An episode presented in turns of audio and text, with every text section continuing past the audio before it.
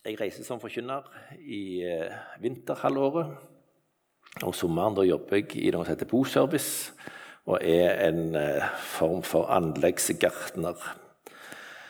Jeg har fem unger som egentlig ikke vil bli kalt unger lenger. Ei kone. Eh, og jeg har vært i Peru i åtte år, så jeg kan ta en spansk en hva tid jeg vil. Og ellers så leter jeg vel og har et godt liv. Det var litt om meg. Og så er det kjekt å være her. Og spennende å få være med sånne ungdommer. Jeg begynner å bli en gammel mann. Eh, men eh, håper at ikke generasjonskløfta er så stor at jeg ikke klarer å nå fram til dere. Vi ber litt i lag. Jesus, takk at du er her. Takk at du har noe å si til oss, uansett hvem vi er, hvordan vi er, og hvor gamle vi er. Så ber vi om at vi kunne få merke noe av dette, at ditt ord det er ei kraft, og det har kraft. Eh, og det gir oss noe. Det gir oss møte med deg, og det gir oss òg eh, det som vi trenger for å leve med deg og for deg. Ber om du kan velsigne oss som er her, at vi kan få noe ifra deg nå. I Jesu navn. Amen. Jeg ble utfordra til å si noe om Guds ords kraft. Eh, og jeg syns det var et fint tema. Eh, og eh, vi skal se at eh, ordet det er egentlig helt avgjørende for å kjenne Gud og for å få del i den evige frelsa. Eh, men jeg tenkte at jeg hadde lyst til å begynne med tre eksempler på krafta i Guds ord. Det ene er et personlig eksempel som jeg opplevde for snart 17 år siden. Eh, da hadde vi en plan om å reise til Peru eh, for andre gang. Og vi hadde egentlig ganske mange ting ordna i forhold til dette. Vi, skulle, vi hadde fått lekt ut huset vårt og solgt bilen og begynt å pakke og, og billetter klar, alt i orden. Vi skulle bare ha en unge til først. Eh, så viste det seg at når den ungen kom, så var det ei jente som hadde Downs syndrom. Eh, så da ble plutselig eh, livet ganske snudd på hodet for oss. Og masse tanker og en del bekymringer. og, og, egentlig veldig sånn usikkerhet, for vi kjente ikke noen som hadde Downs syndrom. Og tenkte på hvordan blir livet for oss, hvordan blir livet for hun. og samtidig så fikk vi kjenne på Guds fred som overgår all forstand. Eh, og om eh, alt var litt i det blå, så, så var det en trygghet oppi alt å få være i Guds hånd. Men eh, når vi hadde vært på sykehuset noen dager, eh, så nærmest kasta min kone Bibelen i fanget på meg, og så sa hun sånn som dette Vi må ha et ord. Eh, og det var jeg for så vidt enig med henne i. Eh, vi hadde fått ganske mange bibelhelsinger allerede og fått masse ord og alt det der. Men, men jeg forsto hva hun mente. Eh, nå hadde det vært godt å få et ord som går inn i vår livssituasjon. Som på en eller annen måte Så jeg nibladde i Bibelen og tenkte ja, da, det må jo være nok av ord å finne. liksom, og, og, og så, så, plutselig så er det et avsnitt der det er et kjent vers inni det avsnittet men så har jeg aldri egentlig fått med meg den sammenhengen eh, som det står i. Det står i Isaias 45 og ifra vers 9. Ved den som fører sak mot sin skaper, et potteskår blant potteskår av jord, kan leira seie til han som former henne, hva gjør du? Kan noe du har laga seie, han har ikke hender?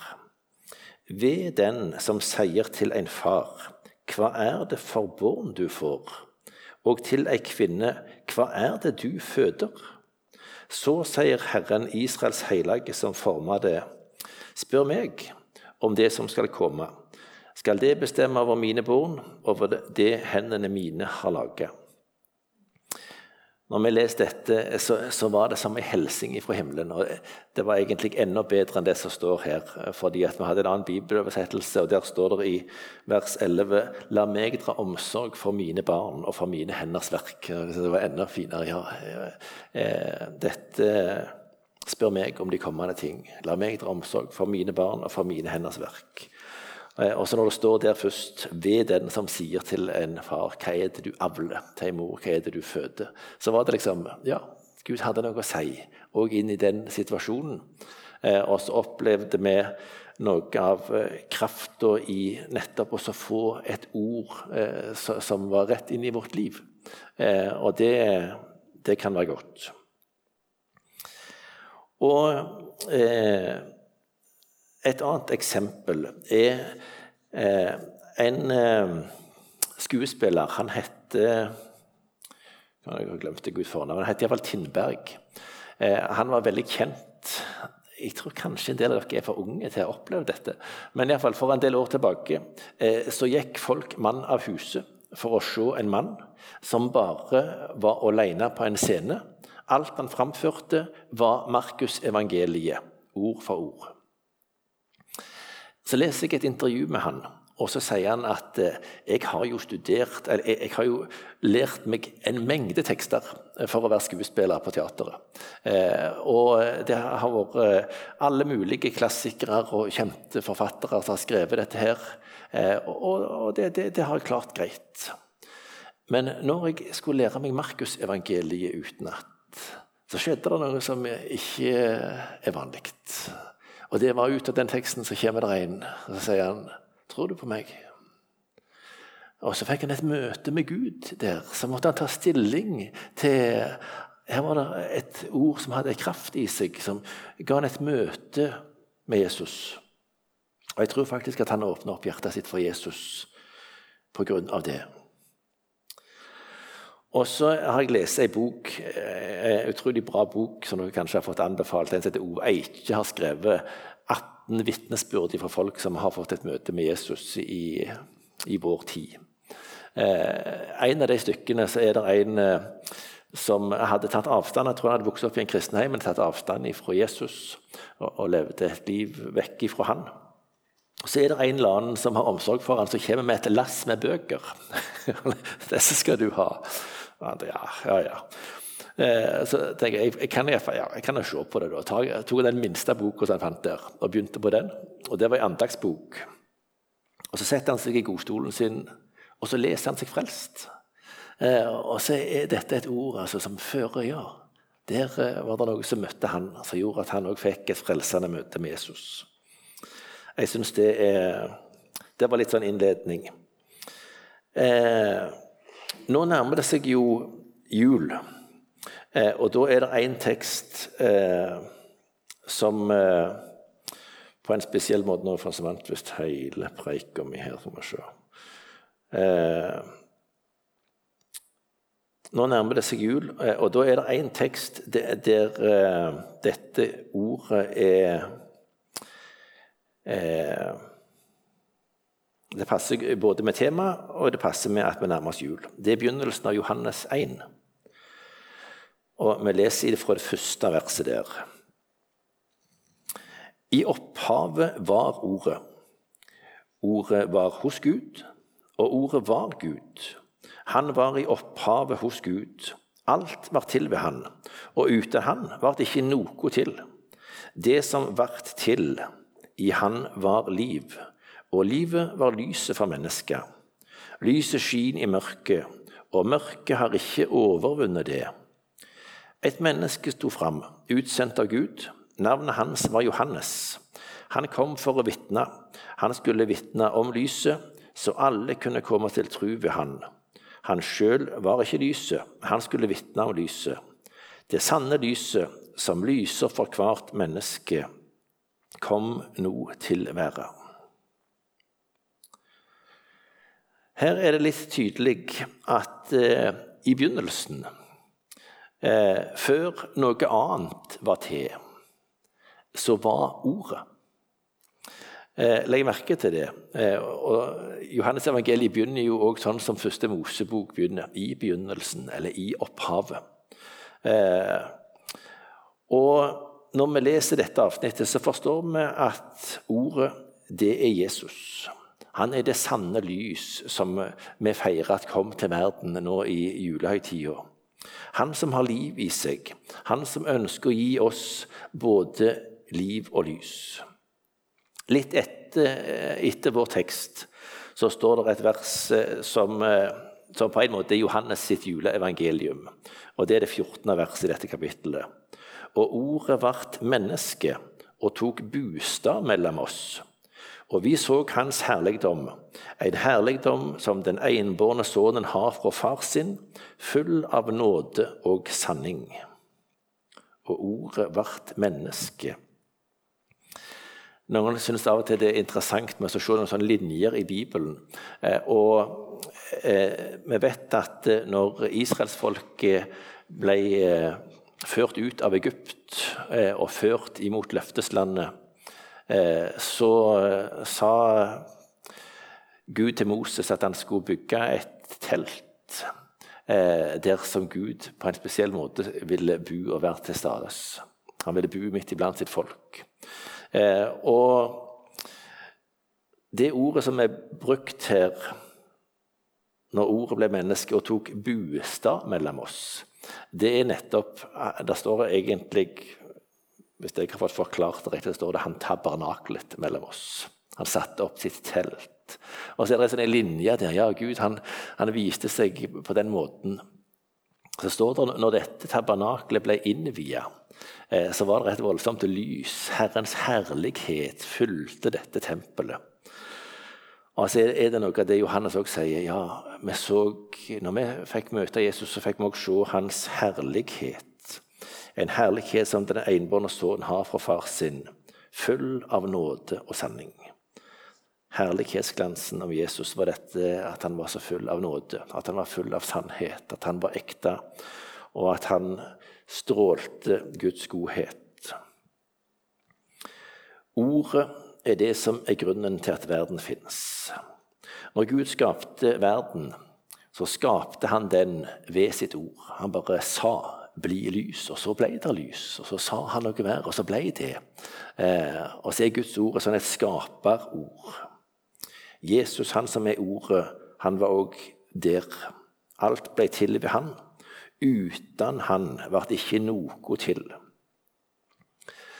Når du prøver å kommunisere med andre, eh, så er den vanligste måten vi gjør det på, er å bruke ord. Det kan jo selvsagt være noen drepende blikk, og litt sånn forskjellig, eh, men vanligvis eh, så, så, bruker vi ord eh, når vi kommuniserer. Vi snakker, vi skriver for å gjøre oss forstått. Og Hvis du står ute en klar høstkveld og studerer stjernene. Ganske fascinerende. Så kan du ane at det må være en stor gud som har skapt verden. Eh, får du høre litt mer om dette her òg, hvordan stort det universet er, ja, så, blir det, så, så blir du som en liten maur eh, i dette her. Virkelig noe så enormt. Noen sånne avstander. Eh, ja, ja, det, det, svimler for deg selv den klareste tanke. Eh,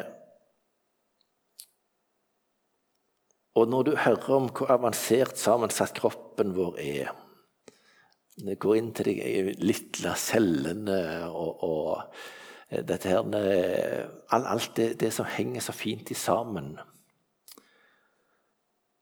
så eh, kan du òg undre deg over en så stor Gud som har skapt livet så underfullt. Når du er på tur ute i naturen og kan nyte den mest fantastiske utsikt, så kan du glede deg over at det er en Gud som har skapt noe som ikke bare er liksom overveldende stort, men det er så fint òg. Det er så vakkert. Tenk at han har tenkt på så mange ting eh, som skal være godt for oss. Men hvis alt vi visste om Gud, var at han var opphavet til alt, og vi kunne på en måte undre oss over ja, han må være stor eh, Men hvis vi ikke visste noe mer enn det, så ville han òg være en fjern og en utilgjengelig Gud. Vi, vi, kunne fortsatt undre oss, og vi kunne for så vidt tilbe han. Men allikevel så kunne vi egentlig ikke kjenne han. Og Derfor skal vi være så glad for at han har gitt oss ordet sitt. For det sier noe om Han vil kommunisere med oss. Han vil eh, at vi skal lære han å kjenne. Han vil at vi skal få vite hva som er hans vilje. Han vil at vi skal vite hva han tenker om oss. Han vil at vi skal kjenne Han. Og Guds ord er nok den mest undervurderte skatt som vi mennesker har fått. Eh, jeg har vært i London noen ganger. En gang tok jeg med meg kona mi til London òg. Eh, og da var det jo noen ting hun hadde lyst til, eh, så jeg ble med på. Og så var det noe jeg hadde lyst til, så hun måtte bli med på. En av de tingene jeg hadde lyst til, det var å gå inn i, i jeg tror dette Tower of London. Og der var det, I den tida vi var der, i hvert fall, så var det utstilt disse kronregaliene. Så var det en utstilling som viste eh, dronning Elisabeth, som har vært eh, dronning så lenge at han stakkars sønn aldri får bli konge. Eh, så, så det, det, er jo ganske lenge siden hun ble krona. Eh, men eh, i hvert fall så, så viste det der ifra kroning hun i ca. 1950, tror jeg det må ha vært. Eh, og så, så, ser du på en måte at der er det ikke spart på noen ting. Der er det liksom det flotteste De er flinke på sånt, de engelskmennene òg. Det, det, det, er pomp og prakt og stas. Og så ser vi disse eh, kroner og de tingene der som er utstilt. Eh, og, og det mangler ikke på edelsteiner eh, og, og, verdier der.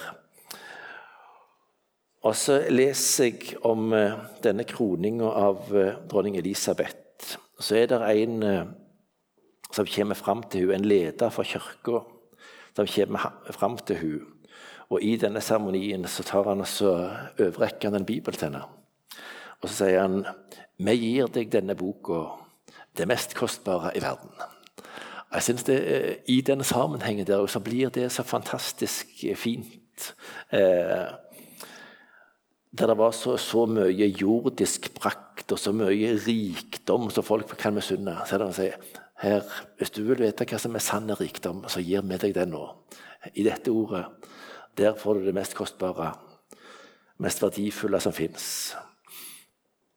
Det som overgår alt i denne verden, det ordet som gir oss samfunn med Gud. Kanskje har jeg fortalt det før, men sånn er det med oss gamle emissærer. Vi forteller ting om igjen og om igjen. Eh, men jeg har vært i Peru, eh, og når vi hadde vært der i fire år, eh, så skulle vi reise hjem igjen. Og så var jeg på en ledersamling oppe på høgfjellet i Peru. Og jeg visste at de som var fra de forskjellige bygdene rundt der, de hadde fått oppleve at misjonen hadde hjulpet deres lokalsamfunn med ganske mange ting. Noen hadde fått en helsestasjon, noen hadde fått innlagt vann, noen hadde fått hjelp til husdyrhold og andre til plantesorter som var sterke og gode. Eh, poteter altså Masse forskjellige sånne ting hadde misjonen vært med og hatt prosjekter som hadde hjulpet folk på mange forskjellige måter. Når de vet jeg skal til Norge, så stiller de seg opp og så sier de sånn som dette Du må hilse til Norge og så må du takke for evangeliet. Og så var det det de sa.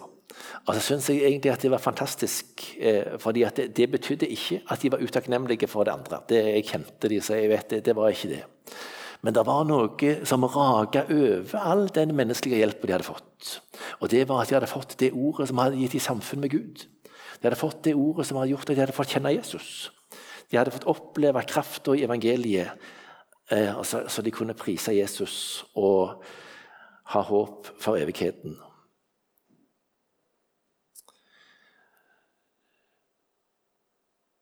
Jeg leser om eh, ei dame som kom til en forkynner med et spørsmål eh, og et problem hun hadde. Og det var dette med trua. Hun strevde med det. Hun hadde så lyst til å tro og hørte vitnesbyrder om folk som trodde. Og så kommer hun og sier dette Jeg har et problem, og det er at jeg kan ikke tro. Og så eh, sier han her, forkynneren, hvem er det du ikke kan tro, da? Nei, jeg tror ikke du forstår helt. Eh, problemet mitt er at jeg, jeg kan ikke tro. Han sier enda en gang Hvem er det du ikke kan tro, da? Nei, nei jeg tror ikke du forstår hva jeg snakker Problemet mitt jeg snakker, Nå snakker vi om min tro. At jeg, jeg, kan ikke tro. Og jeg tror han sier det enda en gang. Hvem er det? Hvem er det, for de som snakker fint, eh, du ikke kan tro? Eh, og så Nei, hun bare rista på hodet. Så sier han videre ja, Hva er det du ikke kan tro, da? Nei, det er jo selvsagt det at, at jeg er frelst. Liksom. Det, det, er jo det vi tror, er det ikke det? Altså, jeg klarer ikke å tro det at jeg er frelst. Og Så sier han eh, Er det noen som har sagt til deg at du er frelst, da? Nei, nei, nei det er kanskje ikke det. Nei, men Da kan jeg berolige deg. Hvis ingen har sagt til deg at du er frelst, så trenger du heller ikke tro det. Nei vel. Nei, det var jo hjelp å få her, liksom.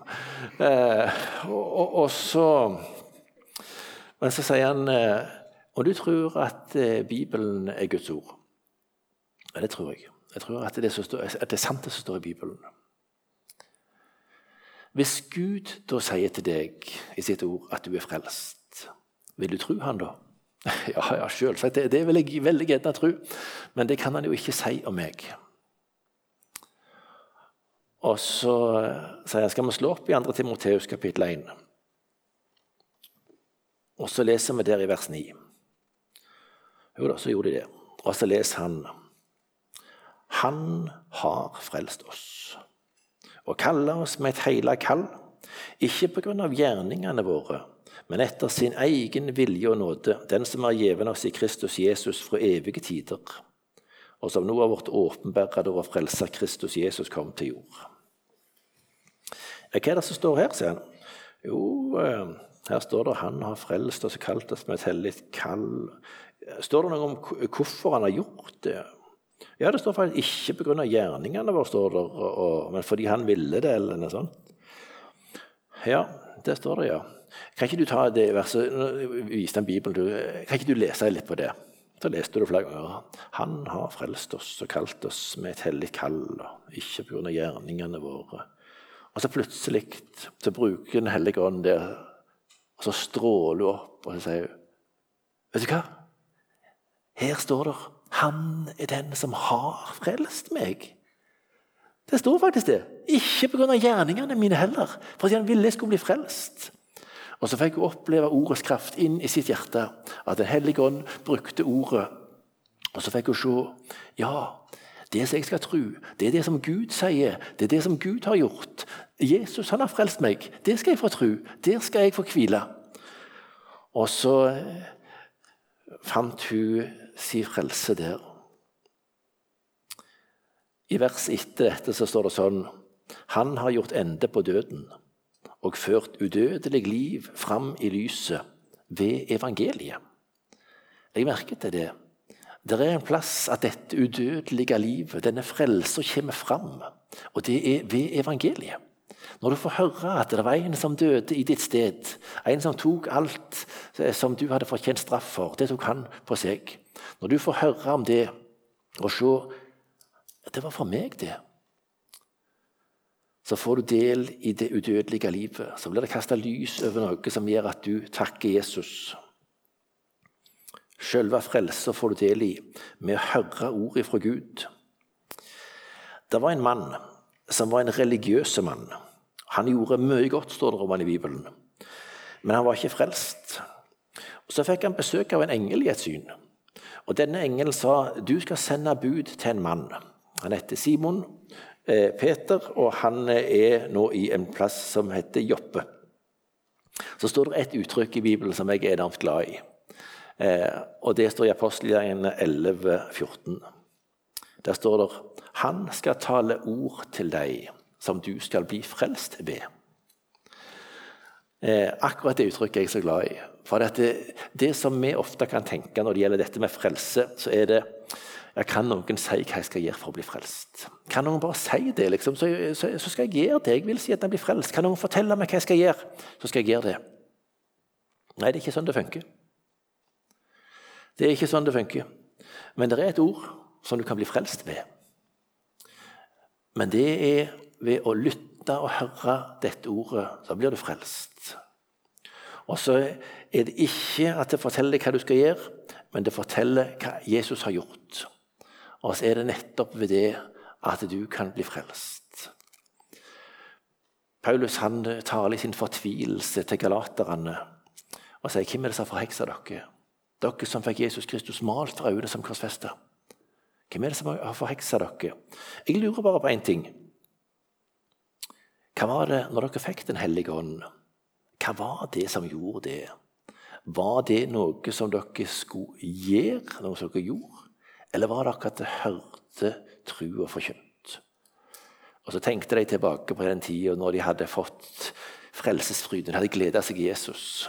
Og så visste de det var ikke det at jeg fikk vite nå må du ta deg sammen, nå må du skjerpe deg, nå må du slutte med det, nå må du begynne med det. Og så når jeg endelig fikk det til, yes! Så jubla jeg og priste Jesus. Nei, sånn var det ikke. Det var ikke sånn det hang sammen. Nei, det var at jeg hørte ordet, og jeg hørte at eh, Guds ord om min synd som gjorde at jeg ble fortvila. Tenkte aldri i livet om jeg når fram. Fordi at jeg er en synder som ikke har sjanse overfor en hellig Gud. Men så fikk jeg høre et ord om en som ordna opp med alt det som jeg ikke kunne. En som bytta plass med meg.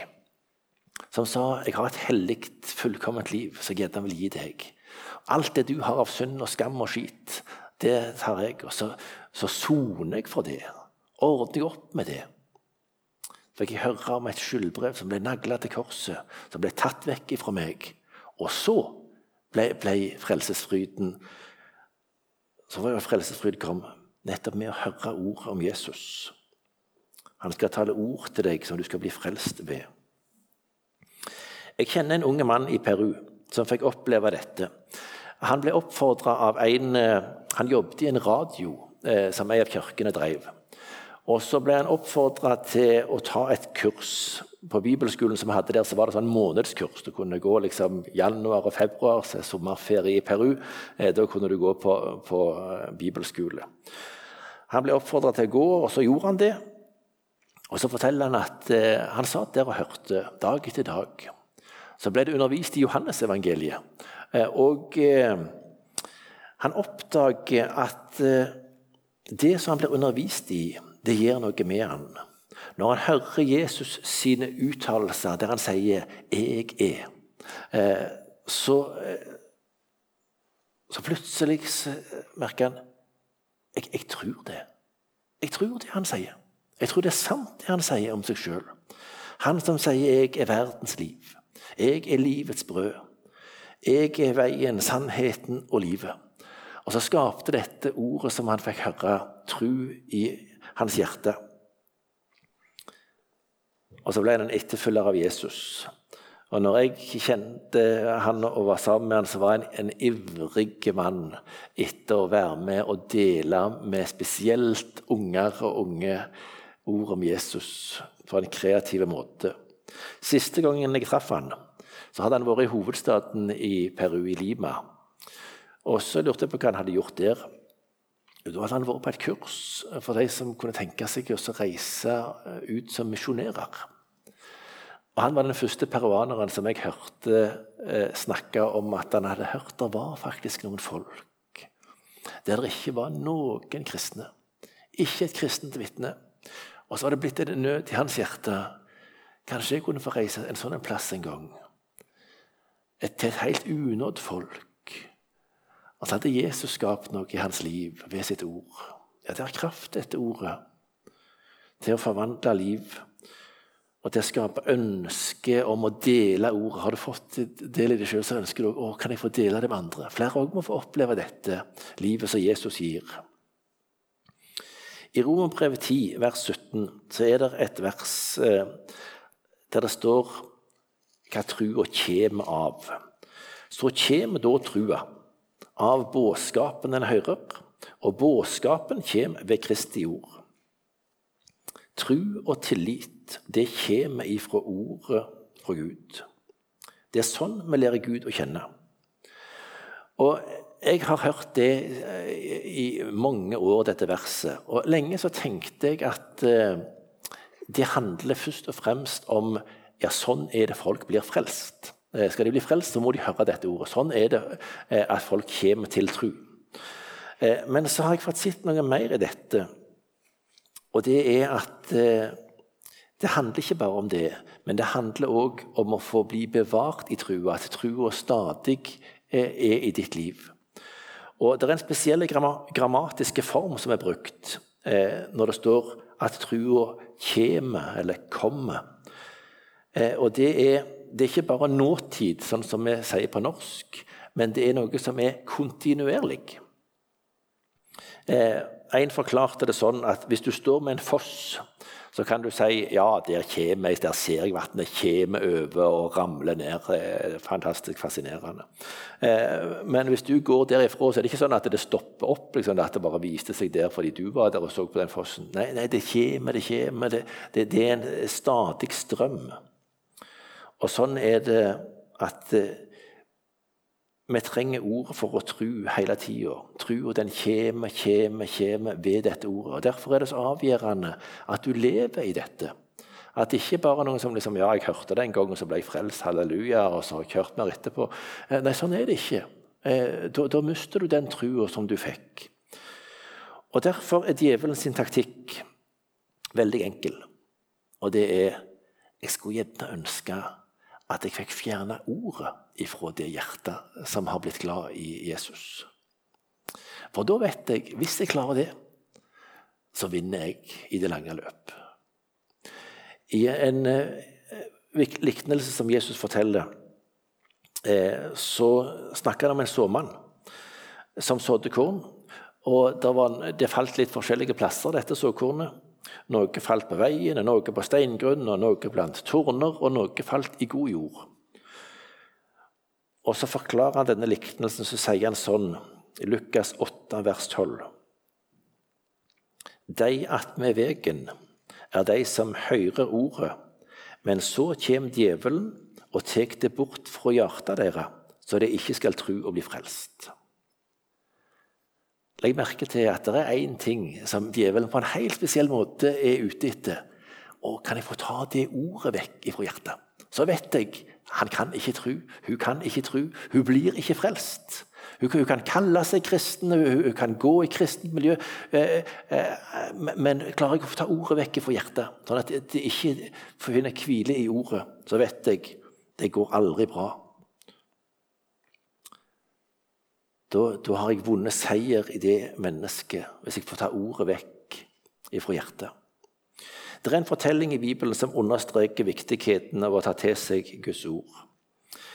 Jesus han var på besøk hos to søstre, Martha og Maria. Og Når Jesus kommer, så setter Maria seg ned med Jesus sine føtter for å høre eh, hva han har å si. Martha hun er litt mer sånn ei eh, som tenker på alt som skal gjøres. Så hun setter i gang. Hun får sikkert ikke bare Jesus, men en hel eh, gjeng eh, inn der. Eh, som skal ha mat og alt som det hører med. Så det står i Lukas 10 om dette. Og Martha, som, som strever med alt det som må gjøres når hun får fint besøk, hun blir etter hvert ganske irritert. For hun har ei søster, og hun har satt seg drons ned. Og sitter bare der og hører på hva Jesus sier. Og hun er ganske sikker på at hun skal få medhold når hun nærmer seg Jesus. Og så sier hun sånn som dette Herre, bryr du deg ikke om at søster mi let meg være tjener alene? Si til henne at hun skal hjelpe meg. Og jeg tror jeg er ganske sikker på at dette ser Jesus òg. Her, her jeg trenger hjelp, og hun, hun er lat. Altså. Men så sier Jesus, 'Martha, Martha, du gir deg strev og uro med mange ting.' 'Men det er ett som er nødvendig.' 'Maria har valgt den gode delen, og den skal ikke takast ifra henne.' Dere er jo litt unge. Eh, jeg må ta det en gang til, siden jeg er blitt en voksen mann. Eh, men jeg husker ennå den tida der at eh, vi hadde en telefon. Og hvis jeg ringte et nummer, og det kom en sånn lyd som dette tut, tut, tut, Så betydde det 'opptatt'. Jeg kom ikke gjennom, for det var noen som snakket med noen andre. De som jeg ville nå fram til, de holdt på med noe annet. eller snakket med noen andre. I dette avsnittet i en annen bibelcelle står det du er opptatt med de mange ting. Det er noe som gjør at jeg ikke når fram til deg, eh, Martha. Det var god vilje. Hun ville kjenne Jesus. Det var ingenting galt med det sånn sett. Eh, men det hindra henne i det som var viktigst. Og så sier han det er en ting som er helt nødvendig. Det er en ting eh, som, som du absolutt ikke kan la være. Og det er det som Maria har valgt. Å sette seg ned og ta imot. Og så ser vi noe òg i Maria sitt liv som vitner om at det hun fikk hos Jesus, det skapte òg en helt spesiell ønske om å tjene han. Hun ga en årslønn til Jesus eh, for å, for å salve han. Ingenting var godt nok for Jesus. Det ble skapt noe der. Eh, liv. I en japansk oversettelse av dette ordet så står det bare ett er absolutt umistelig. Det var én ting som er helt umistelig. Det er en ting som, som du, bare, du, kan bare ikke la være. Og det er dette Du må finne plassen der du sitter og tar imot ifra Jesus. Det er dette ordet får virke på ditt hjerte. Det er det får tale til deg. Og så setter det livet vårt i rett perspektiv. Det er mye som kan være bra. Det er mye som er nyttig. Det er mye som er godt. Men det er bare én ting som er helt nødvendig for deg som vil til himmelen. Og det er at du tar deg tid til Guds ord. Hvis du kjente den evige virkelighet slik Jesus kjenner den, ville det blitt hindrende klart for deg at det er ett, bare ett, som er nødvendig. Det er en som har skrevet. Når Jesus gikk på jorda, så var det mange som fulgte han. Av og til samla det seg tusenvis. Men en gang skjedde det at mange forlot han, fordi de syntes hans ord var harde. I Johannes 6 så står det at Jesus da spurte sine nærmeste om kanskje de òg syntes at det var litt eh, Om de virkelig ville følge han lenger. I Johannes 6, 67 så står det Da spurte Jesus de tolv vil det òg gå bort. Simon Peter svarer, Herre, hvem skulle vi gå til? Du har det evige livs ord og vi tror og veit at du er Guds hellige. Jeg syns det, svaret der er jeg blitt enormt glad i. For hvis du tenker deg de som gikk tett på Jesus, så opplevde de ganske mange fascinerende ting. Og Peter kunne jo sagt at eh, du vet jo hva, Jesus, eh, når du spør om jeg vil gå vekk eh, Aldri i verden. Det er jo dritspennende å være sammen med deg. Altså her Folk blir helbreda, og plutselig går du på vannet en dag. og, og vet, Du vet aldri hva som skjer. Nei, dette er kjempespennende. Så, så klart jeg vil være med deg, Jesus. Han kunne sagt mange, mange, forskjellige ting. Eller han kunne sagt når jeg hører sånn som du ja, sånn som du møter folk Jeg lærer så mye av deg, måten du er på, alt sånt. Han kunne hatt mange forklaringer. Men når han skal si hvorfor han aldri i verden vil gå ifra Jesus, så er det én ting han sier, og det er du har det evige livs ord. Det er begrunnelsen hans. Og vi tror og vet at du er Guds hellige. Det er det ordet som du har gitt oss, som gjør at jeg både tror og at jeg vet at du er Guds hellige. Det ordet har skapt noe i mitt liv som gjør at aldri i verden om jeg går ifra deg. Det ordet er det som har skapt tro og visshet. Du må rydde plass i Bibelen i din hverdag. Prøv å finne ei fast tid der du kan lese litt, der du kan be litt. Det kan være hjelp med en bibelleseplan. Det skal vel sikkert eh, bli ordna med her, forsto jeg. Eh, det kan òg være godt med andagsbok, men les òg i Bibelen. Og så er det ikke alltid lett å få dette her til å flyte så veldig lett. Det tror jeg kanskje òg er litt med det som vi sa, at djevelen han har én taktikk når det gjelder ditt liv. Det er å hindre deg i at ordet får rom i ditt liv. Så derfor ikke gi opp selv om du, om du ikke fikk det så godt til. Aldri gi opp å få det, for det er nødvendig tro, og de trenger næring. Og så synes jeg også det kan være godt, eh, Om du ikke får til å lese, så kan det være godt å få høre. Høre på forkynnelse, høre Guds ord lest. Når jeg kjører, som jeg gjør en del, så hører jeg ofte òg på eh, forkynnelse av Guds ord. Eh, og ligger masse godt ute på nettet fra Salem og Logos og andre plasser. Mye bra der. Jeg tror altså, Jeg har sikkert glemt klokka, eh, men eh, jeg tror jeg har lyst til å si noe som jeg hørte. Jeg er vokst opp i en heim der vi fikk høre mye om hvordan det var før gamle dager. Det var vekkelse og, og, hva de sa, de gamle. og sånt. Eh, og da var det én ting som de sa. Når det var noen nye som hadde begynt å komme og, og, og gå og så lurte de kanskje på om de virkelig var blitt frelst, eller om de liksom bare hadde bestemt seg, eller hvordan var dette her? Og da sa de sånn som dette Har du fått et ord? Og så eh, var det kanskje noen som sa nei, jeg vet ikke om jeg kan ha et ord. Så For noen ble det litt vanskelig at de måtte ha et spesielt løsningsord eller et spesielt ord som de ble frelst ved. Eh, men allikevel så har jeg tenkt Det som de gjorde, det var faktisk å spørre på en god måte. Det som vi kanskje spør om, hvis det er noen vi lurer på hvordan de helt har det med Gud, så spør vi kanskje hvordan går det? Ja, jeg tenker det med deg og Gud. liksom sånt. Og Da får vi den andre til å tenke ja, det som det handler om, det er jo hvordan det går. Hvordan har jeg fått det til? Eh, ja, nei, det går veldig opp og ned, må jeg si. Eh, akkurat i det siste har det egentlig gått ikke så veldig bra men jeg håper det skal gå bedre. Så får vi til, Det høres ut som at det å være kristen det handler om hvordan det går. Eh, ser det noen som er på en litt annen kanal, de sier 'Hvordan har du det?' Og jeg mener egentlig sånn skikkelig der inne med Gud og sånt. altså. Hvordan har du det? Ja, og vent litt, jeg skal kjenne etter. Har, ja, jo, jeg hadde det kanskje bedre i går, men jeg har det ikke så verst. altså. Ja, nå kjenner jeg ganske godt, og det bobler av og til litt. Grann, og, ja, Men er det det det kommer an på, hvordan jeg har det? Eh, og Det varierer jo ganske mye. Det er litt forskjell på hvordan vi er som følelsesmennesker og hvordan vi har det. Og Derfor syns jeg det var så mye bedre å si Har du fått et ord? Eller har du funnet hvile i ordet? Får du se i ordet at du er frelst? Får du hvile i at det som ordet sier, det er nok for deg? Det ordet sier om Jesus. Jeg syns den retningen der er så mye bedre enn det, sånn som vi lett spør.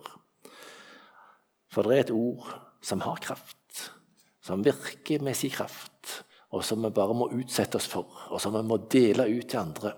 Så skal vi få se at det kan skape nytt liv og gjøre mye godt. Kjære Jesus, takk for ditt ord er et levende ord, et virksomt ord. Et ord som kan trenge gjennom, og som kan skape liv.